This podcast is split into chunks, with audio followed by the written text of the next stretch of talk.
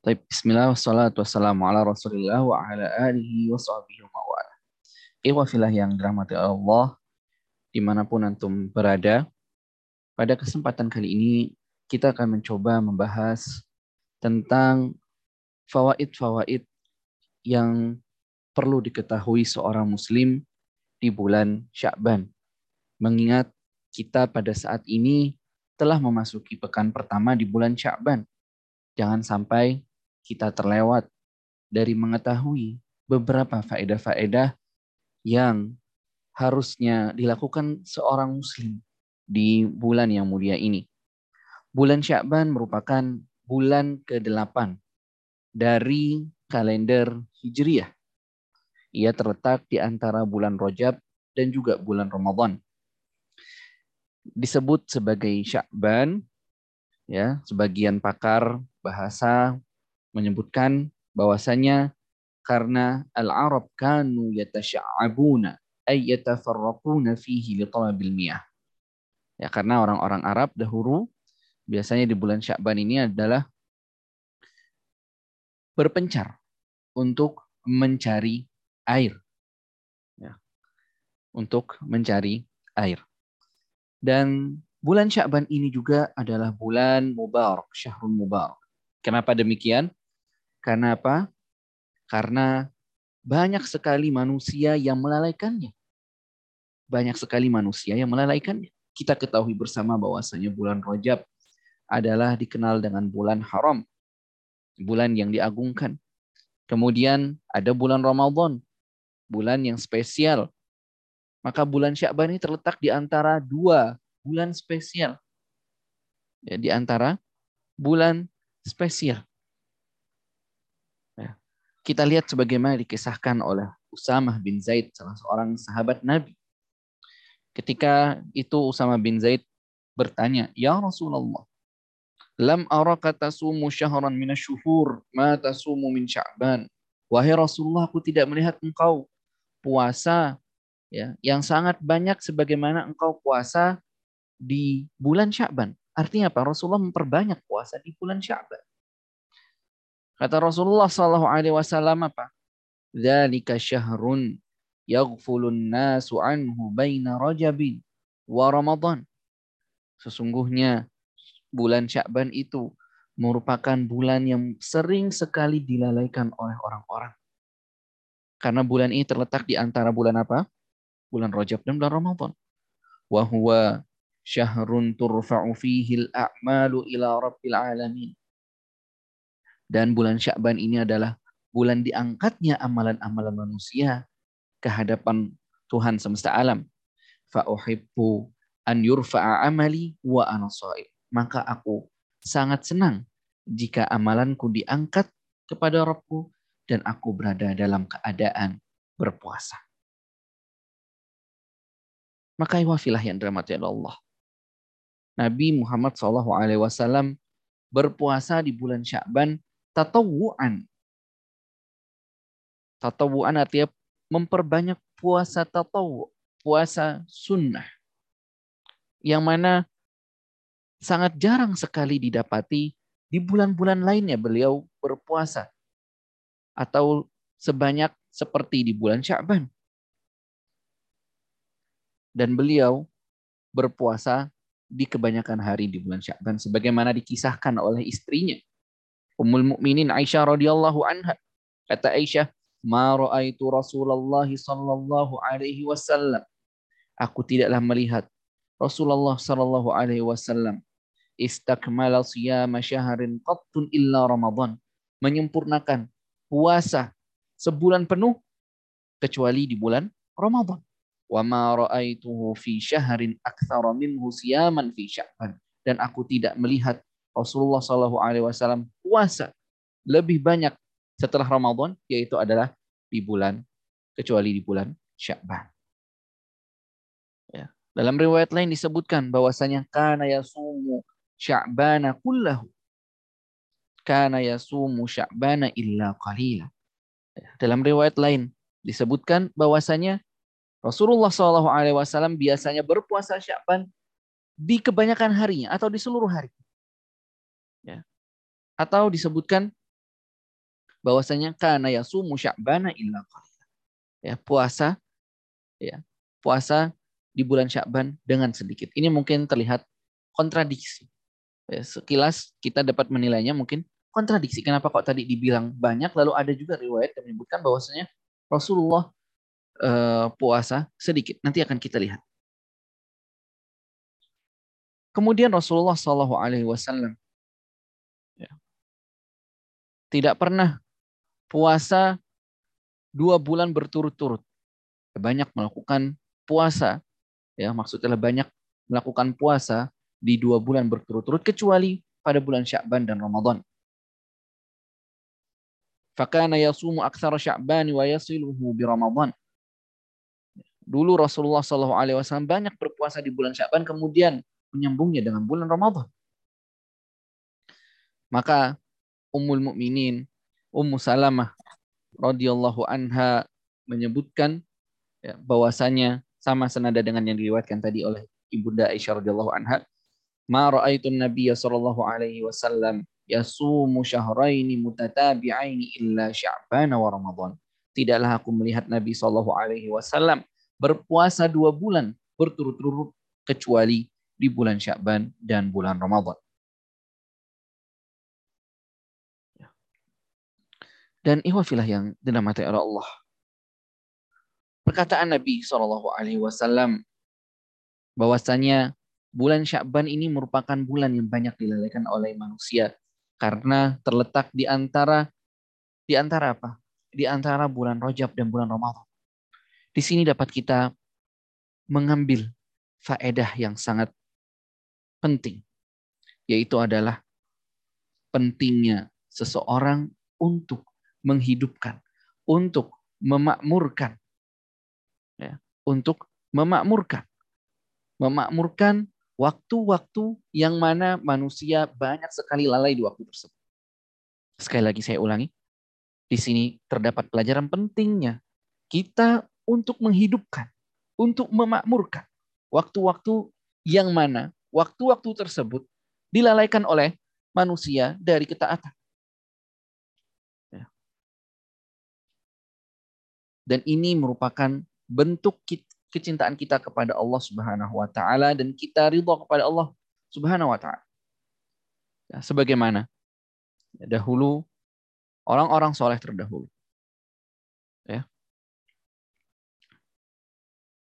Melakukan sholat sunnah di antara maghrib dan isya. Dan itu merupakan waktu-waktu yang biasanya banyak atau sering sekali dilalaikan oleh manusia antara maghrib dan juga isya. Atau kita lihat juga sebagian orang-orang soleh terdahulu banyak sekali yang menghidupkan sepertiga malamnya. Yang mana sepertiga malam tersebut merupakan waktu-waktu yang sering sekali dilalaikan kebanyakan manusia dengan terlelapnya. Maka yang istimewa adalah manakala orang-orang tersebut menghidupkan sepertiga malamnya. Di saat banyak orang-orang yang lalai.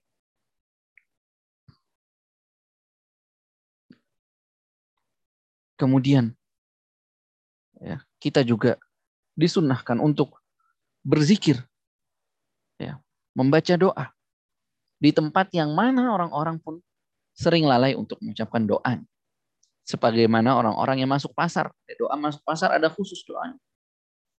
Di saat orang-orang lalai membaca doa masuk pasar, maka kita pun juga jangan sampai terlalai untuk membaca doa di atau berzikir saat di pasar. Dan seorang muslim, jika ia menghidupkan waktu-waktu yang kebanyakan manusia melalaikannya dengan ketaatan, itu lebih menutup dirinya dari untuk berbuat riak. Nah, ketika seseorang ya, mengerjakan sholat sepertiga malamnya, sholat malam di sepertiga yang terakhir, kepada siapa Anda mau memamerkan ibadah Anda? Karena kebanyakan orang pada saat jam tersebut adalah sedang terlelap. Maka ini lebih aman dari sifat riak. Manakala Anda teraman dari sifat riak tersebut, maka lebih dekat kepada keikhlasan. Karena pada hakikatnya, kalau amalan kita dilakukan di saat hal yang ramai atau halayak ramai, ya, kebanyakannya adalah lebih dekat untuk terjerumus kepada ria. Oleh karena itu, hendaknya kita menghidupkan waktu-waktu ghaflah atau waktu-waktu yang sering dilalaikan manusia. Ini adalah kesempatan kita untuk menyembunyikan amal kita dari pandangan orang-orang agar kita ketika beribadah lebih ikhlas dan terhindar dari sifat ria. Disebutkan oleh beberapa ulama bahwasanya berpuasa di bulan Sya'ban lebih mulia atau lebih afdol ketimbang puasa di bulan bulan haram. Kenapa demikian? Alasannya adalah karena puasa di bulan Sya'ban adalah seperti ibaratnya adalah puasa pembuka sebelum datangnya bulan suci Ramadan. Sebagaimana sholat-sholat sunnah yang mengiringi sholat-sholat fardu. Ya, seperti contohnya adalah dua rakaat sebelum subuh. Ya, mengiringi sholat wajib subuh. Begitu juga dengan puasa Sya'ban. Sholat puasa Sya'ban adalah puasa sunnah mengiringi puasa wajib di bulan Ramadan. Kama anna sunan rawatib afdalu minat tatawu'il mutlaq bis salah. Sebagaimana sunnah-sunnah rawatib lebih utama dari sholat sunnah mutlak pada sholat Fakadzalika siyamu ma qabla Ramadan wa ba'dahu. Maka begitu pula berpuasa sebelum Ramadan dan juga atau setelah Ramadan. Setelah Ramadan kita kenal ada namanya puasa Syawal. Itu juga afdalu min siyami ma ma ba'uda minhu. Ini juga termasuk puasa yang sangat utama. Iwafilah yang dirahmati oleh Allah. Sya'ban merupakan bulan diangkatnya amalan tahunan kepada Allah Subhanahu wa taala. Sebagaimana diriwayatkan dalam hadis wa huwa syahrun turfa'u fihi al-a'mal ila rabbil alamin. Karena bulan tersebut adalah diangkatnya amalan kepada Rabb semesta alam. Fa uhibbu an yurfa'a amali wa ana sha'im. Dan aku sangat senang jika amalanku diangkat dan aku dalam keadaan puasa. Maka Nabi Shallallahu Alaihi Wasallam sangat senang sekali ketika amalan beliau diangkat kepada Allah Subhanahu Wa Taala dalam keadaan berpuasa. Dan hendaknya seorang Muslim meniru atau mencontoh perbuatan baik dari Nabi Shallallahu Alaihi Wasallam dan hendaknya juga memperbanyak puasa di bulan Syakban ini. Diangkatnya amalan kepada Allah Subhanahu wa taala ini ada macam-macam. Ya, kurang lebih ada tiga macam. Ya, ada yang namanya ar-raf'ul yaumi atau diangkatnya amalan setiap hari dua kali. Ya. Sekali pada malam hari dan sekali pada siang hari. Sebagaimana di hadis dalam hadis diriwayatkan oleh Imam Muslim bahwasanya yurfa'u ilaihi amalul laili qabla amalin nahar wa amalun nahari qabla amalil lail. Bahwasanya diangkat kepada Allah Subhanahu wa taala ya, amalan-amalan di malam hari sebelum amalan siang hari dan juga amalan siang hari sebelum uh, amalan malam hari. Dan ini adalah diangkatnya adalah setiap hari ada amalan yang diangkat periodenya adalah harian. Ya, kita tidak bisa mengetahui bagaimananya karena ini dikabarkan oleh Rasulullah Shallallahu Alaihi Wasallam. Ya, sebagaimana para tabiin dahulu ada yang namanya Abu Hak. Ya, ketika di akhir siang hari beliau terkadang menangis. Kenapa menangis? Karena dia memuhasabah dirinya. Aku tidak tahu katanya. La adri ma rufi'a min amal. Aku nggak tahu apa yang diangkat ya amalanku hari ini. Apakah baik ataupun tidak. Kemudian jenis yang kedua ada yang namanya ya diangkatnya amalan pekanan. Ya. Yaitu adalah amalan pekanan setiap pekan dua kali. yaitu adalah pada hari Senin dan juga pada hari Kamis. Sebagaimana diriwayatkan dalam hadis, tu'radu a'malun nasi fi kulli jumu'atin. Ya, diangkatnya atau diperlihatkannya amalan manusia setiap pekannya marratain dua kali yaumal isnain wa yaumal khamis hari Senin dan hari Kamis. fayughfaru likulli 'abdin mu'min maka akan diampuni bagi setiap hamba yang mukmin. illa 'abdan bainahu wa baina akhihi syahna kecuali hamba yang memiliki perselisihan di antara saudaranya. fayuqalu utruku hadaini hatta yafi'ah maka tinggalkanlah dua orang ini sampai mereka akur kembali atau eh, sama-sama kembali dan berbuat soleh. Dikisahkan bahwasanya seorang tabi'in bernama Ibrahim An-Nakhai.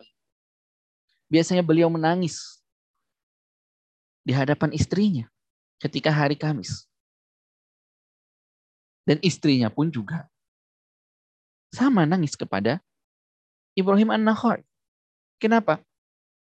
Sambil berkata, Al-yawma tu'radu a'maluna 'ala Allah azza wa Hari ini ya, hari ini amalan kita diperlihatkan kepada Allah Subhanahu wa taala. Oleh karena itu biasanya kita mengenal ada puasa pekanan yaitu adalah puasa sunnah pekanan yaitu adalah puasa Senin dan Kamis. Ada juga ya, diangkatnya amalan secara tahunan yaitu adalah amalan kita diangkat pada bulan Syakban sebagaimana hadis yang telah kita bacakan di awal tadi. Kemudian yang terakhir adalah jenis terakhir adalah diangkatnya amalan umur kita seluruhnya ba'dal maut setelah kematian kita. Ya kalau kita sudah selesai batas kontrak kita hidup di dunia, ya maka seluruh amal perbuatan kita, umur kita semuanya nanti akan dihadapkan di hadapan Allah Subhanahu wa taala dan ya buku catatan kita ya telah selesai. Kita menulis sejarah hidup kita di dunia ini. Ini adalah diangkatnya amalan yang amalan kita yang terakhir. Ikhwafilah yang dirahmati oleh Allah. Hendaknya ya, kita senantiasa memperbanyak amalan kebaikan kita. Terutama adalah di hari-hari yang mulia ini. Kita tidak tahu yang mana amalan kita yang akan diterima oleh Allah Subhanahu wa taala bisa jadi adalah amalan kita ketika bersedekah dengan nominal yang kecil.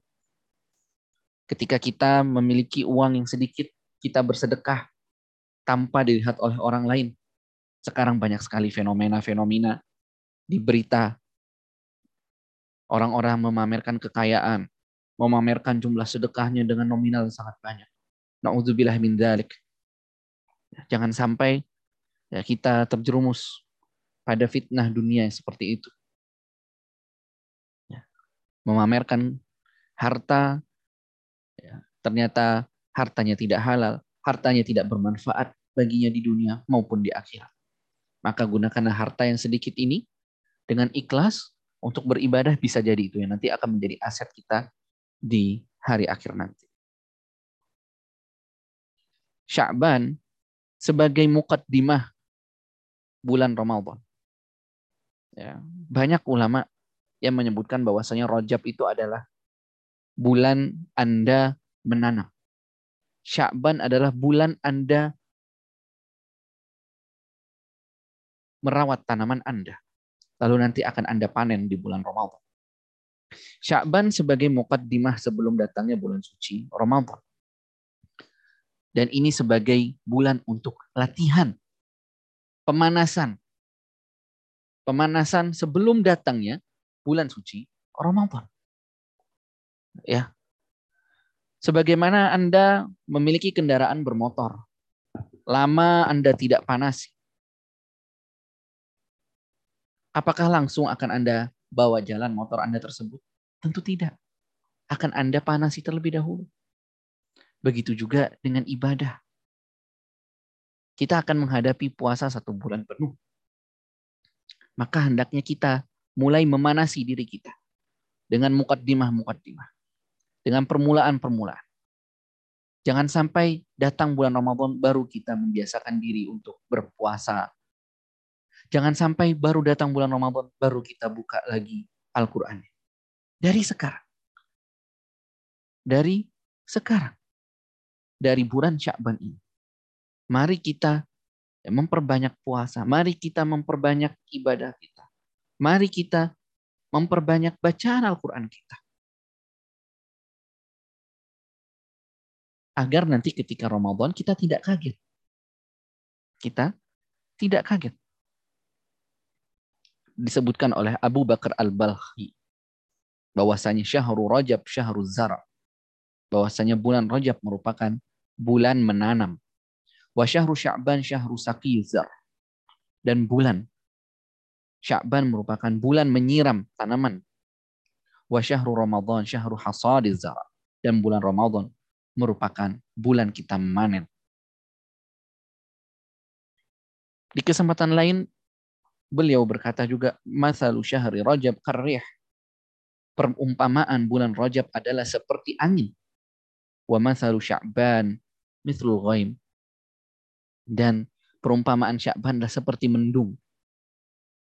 Wa masalu Ramadan mithlul matar. Dan bulan Ramadan itu adalah seperti hujan. Faman lam yazra' fi Rajab. Maka barang siapa yang tidak menanam di bulan Rajab. Wa yaski fi Sya'ban. Dan tidak menyiramnya di bulan Sya'ban, fakaifa yasuru fi Ramadan. Maka bagaimana dia akan melakukan panen di bulan suci Ramadan.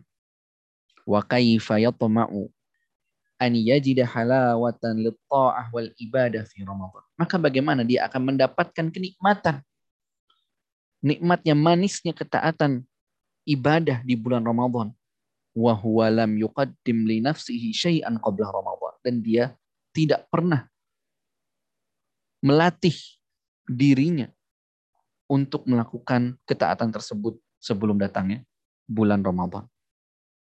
Disebutkan oleh Yahya bin Mu'ad. Lastu abki ala nafsi in matat. Aku tidak menangisi jiwaku kalau aku mati. Innama abki ala hajati in fatat. Tetapi aku menangisi ya Manakala aku butuh terhadap sesuatu tapi kebutuhan tersebut adalah terlewati. Terlewati. Artinya apa? Kita butuh dengan waktu-waktu diskon. Ya. Anda biasanya kalau ke mall pasti akan nyari diskonan. Kebutuhan yang sesuai dengan kebutuhan Anda. Maka manakala waktu diskon tersebut hilang, pasti Anda akan menyesali. Begitu juga dengan kebutuhan kita di dunia ini adalah untuk senantiasa memupuk amalan kita. Senantiasa berdoa, beristighfar, karena di sinilah waktu kita untuk senantiasa memperbanyak istighfar dan ampun. Maka kita akan menangisi diri kita manakala kita melewati dengan sia-sia hari-hari ini. Disebutkan juga, karena salaf, dahulu orang-orang soleh, yatafarraguna liqiraatil Qur'an, ya, mengkhususkan waktunya untuk membaca Al-Quran di bulan Sya'ban. Wayakulun dan mereka berkata, Syahru Sya'ban, Syahrul Qurra. Bulan Sya'ban ini adalah bulannya para Qurra atau para Qari, para pembaca Al-Quran.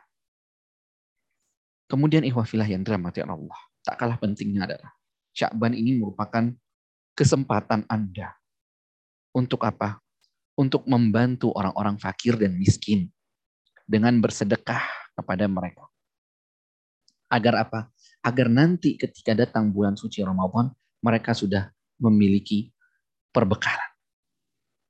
Mereka orang-orang fakir dan miskin dapat bersahur ya di bulan suci Ramadan dan Anda pun juga makin terbiasa untuk bersedekah di bulan suci Ramadan. Namun ada beberapa kesalahan yang sering terjadi. Yaitu adalah manakala sebagian manusia ya, mengeluarkan zakat mereka di bulan Sya'ban ataupun bulan Rojab. Atau mengakhirkan mengeluarkan zakat di bulan Ramadan. Karena menganggap bahwasanya di waktu-waktu inilah waktu yang tepat untuk mengeluarkan zakat. maka kita katakan bahwasanya mengakhirkan pengeluaran zakat dari waktu yang sebenarnya ini adalah tidak boleh. Kita semua mengetahui bahwa saya zakat ada waktunya. Kalau sudah mencapai nisab dan juga mencapai haulnya satu satu putaran tahun.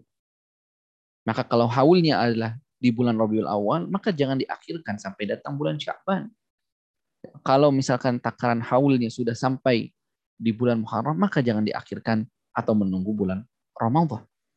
Dan ini yang menunda-nunda pengeluaran zakat termasuk hal yang tidak diperbolehkan.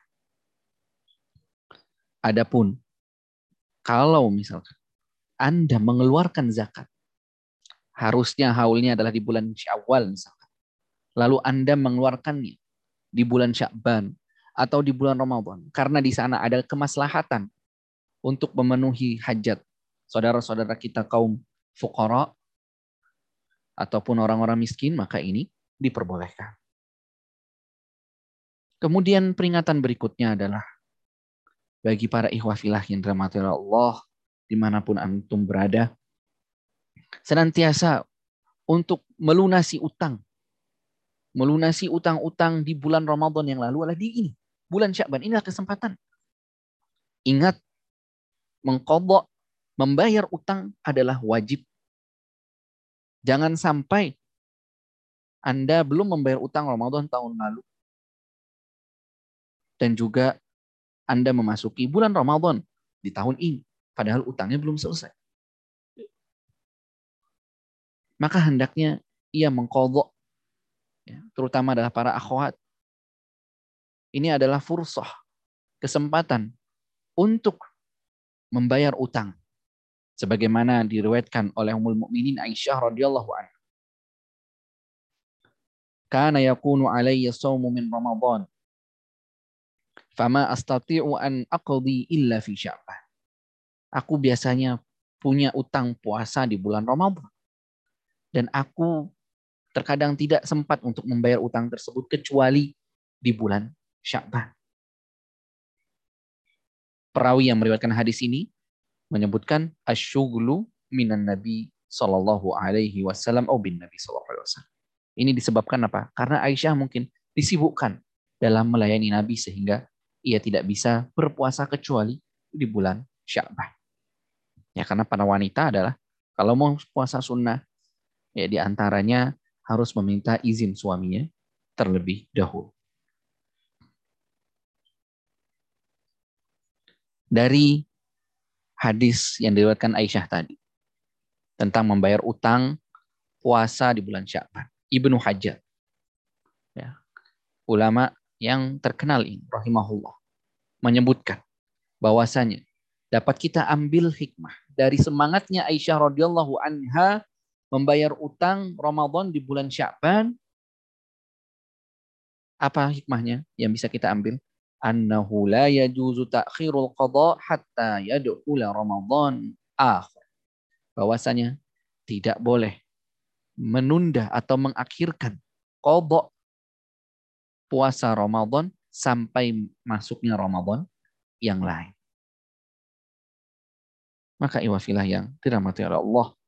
Kalau misalkan Anda adalah orang yang masih kuat, masih sehat, maka Anda hendaknya segera untuk membayar utang dengan puasa. Kecuali ya, kalau Anda memang ada uzur, ya, yang mana uzurnya berurutan, masih sakit, maka Anda diperbolehkan untuk menunda. Tapi kalau tidak ada uzur, maka tidak ada alasan bagi Anda untuk menunda-nunda pembayaran utang puasa di bulan Ramadan. Iwafilah yang dirahmati Allah. Catatan penting juga mengenai bulan Sya'ban ini adalah tidak diperkenankannya bagi seorang muslim untuk merayakan malam tertentu di paruh bulan Sya'ban atau mengkhususkannya dengan ibadah tertentu atau mengkhususkannya dengan puasa tertentu atau mengkhususkan satu hari untuk berziarah kubur atau bersedekah atas nama mayit. Mengkhususkan di bulan Syakban. atau dengan macam-macam lainnya dari ibadah. Mengkhususkan ibadah di bulan Syakban tanpa ada dasar yang benar, maka ini tidak diperkenankan. Karena kita mengetahui bahwasanya ibadah itu pada asalnya adalah haram. Hukum asal suatu ibadah adalah haram sampai datang suatu dalil yang memerintahkan. Dan ibadah hanya diterima ketika apa? Ketika ikhlas ditujukan kepada Allah Subhanahu wa taala dan juga sesuai dengan tuntunan Rasulullah SAW. Manakala ada suatu ibadah atau suatu amalan yang tidak ditujukan kepada Allah, maka dia tidak akan sampai kepada Allah. Manakala juga ada suatu amalan yang tidak sesuai dengan tuntunan Rasulullah, maka amalan tersebut tertolak. Oleh karena itu, terkait dengan sholat-sholat khusus.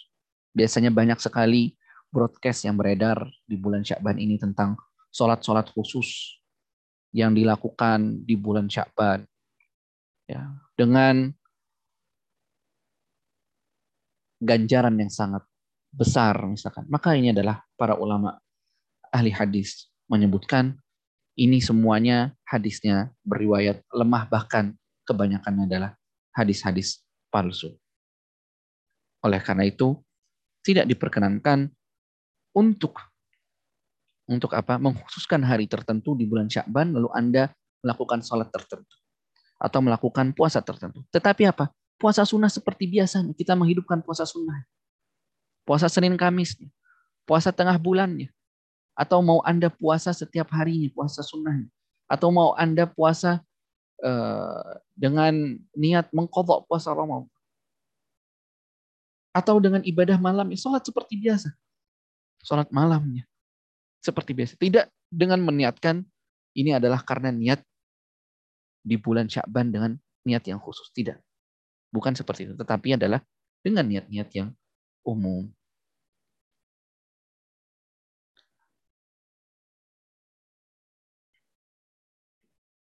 Hari nisfu Syakban atau pertengahan Syakban. Ini disunahkannya adalah untuk puasa Yaumul Bid sebagaimana puasa Yaumul Bid, puasa tengah bulan yang kita kenal.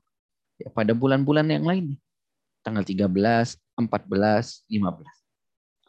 Maka barang siapa yang puasa, maka ia pun akan mendapatkan ganjaran puasa tersebut. Tanpa apa? Tanpa ada niat mengkhususkan untuk puasa di nisfu Sya'ban atau puasa di tengah bulan Sya'ban tersebut.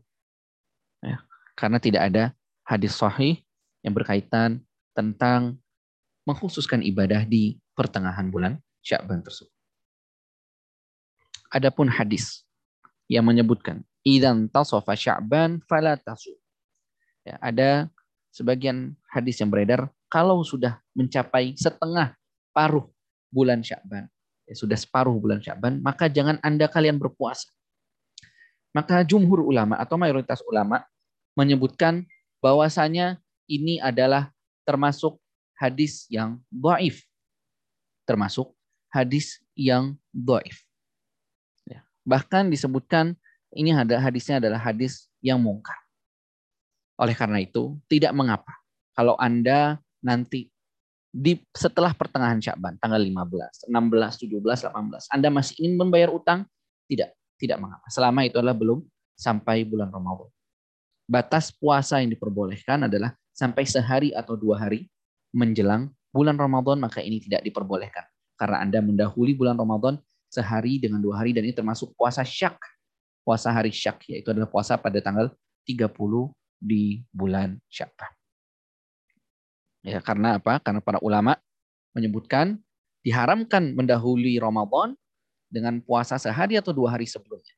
Kecuali apa? Kecuali memang itu adalah kebiasaan dia eh, dari puasa atau misalkan dia mengkodok puasa tidak mendapati waktu itu kecuali pada tanggal 29 Syakban Ini tidak tidak dipermasalahkan tapi mengkhususkan atau mendahului dengan puasa Ramadan dengan puasa sehari atau dua hari bulan Syakban maka ini tidak diperkenankan sebagaimana hadis Ya, la taqaddamu Ramadan, jangan mendahului Ramadan bisaumin yaumin wala yaumain dengan puasa sehari atau juga dua hari.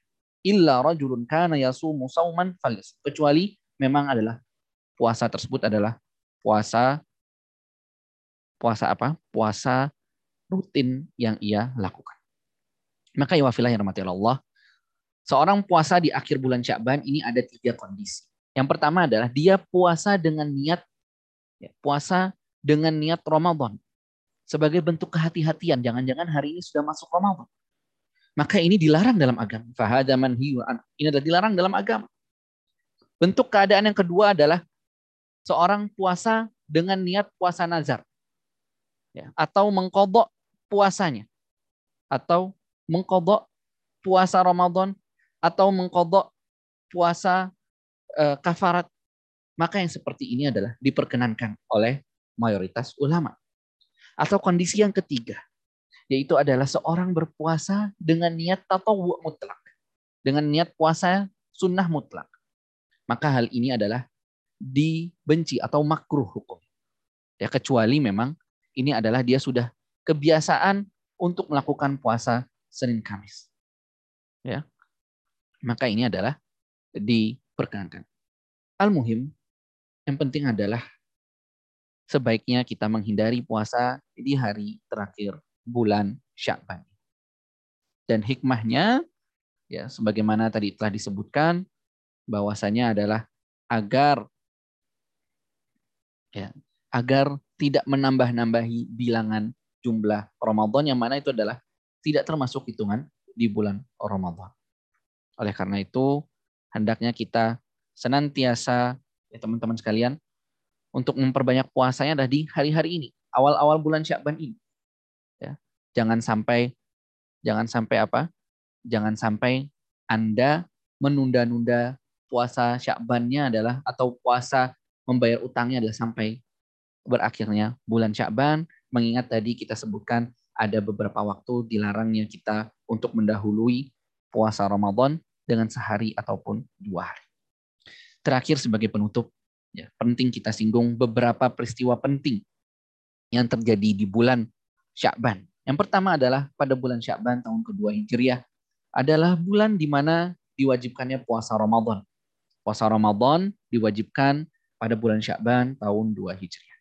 Kemudian juga ada peristiwa berpindahnya kiblat kaum muslimin dari Baitul Maqdis menuju Mekah atau Masjidil Haram. Ini juga terjadi pada tanggal eh, pada tahun kedua Hijriah di bulan Syawal. Walaupun ada pendapat yang lain juga menyebutkan terjadi pada bulan Rajab atau Jumadil Akhir. Pada bulan Syakban ini juga, yaitu adalah tepatnya pada tahun ketiga Hijriah. Merupakan pernikahan Rasulullah Wasallam dengan istri yang bernama Hafsah binti Umar bin Khattab. Pada bulan Syakban di tahun kelima Hijriah, pernah terjadi peristiwa peperangan Bani Mustalik. Pada bulan Syakban di tahun 9 Hijriah juga pernah terjadi peristiwa Tabuk. Ya, peristiwa Tabuk. Ya, peristiwa perang Tabuk. Ya, walaupun uh, Rasulullah Shallallahu alaihi wasallam keluarnya ada juga yang menyatakan bahwa saya Rasulullah keluarnya adalah di bulan Rajab. Ya, tetapi dan kembalinya adalah di bulan Ramadan. Maka termasuk di dalamnya adalah bulan Sya'ban.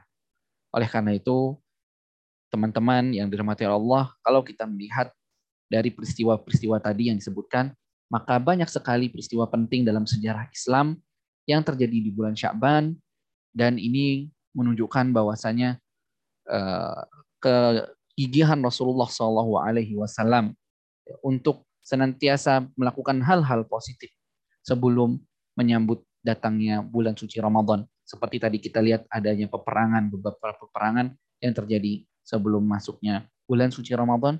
Dan jangan dianggap bahwasanya peperangan di sini adalah suatu yang tercela. Tetapi yang dimaksud di sini adalah peperangan yang mana peperangan tersebut dengan maksud untuk membela diri. Di antara adalah perang Bani Mustalik. Adapun perang Tabuk ya memang tidak terjadi peperangan tidak terjadi peperangan secara berkecamuk, tapi ini menunjukkan bahwasanya kaum muslimin adalah eksis. Ya, karena perang Tabuk adalah melawan kaum Romawi. Ya, yang mana mereka kaum Romawi takut dan tidak datang ke medan yang telah dijanjikan. Demikian penjelasan singkat tentang bulan Sya'ban. Semoga bermanfaat. Subhanakallahumma wa bihamdika asyhadu an la ilaha illa anta astaghfiruka wa atubu ilaik. Assalamualaikum warahmatullahi wabarakatuh.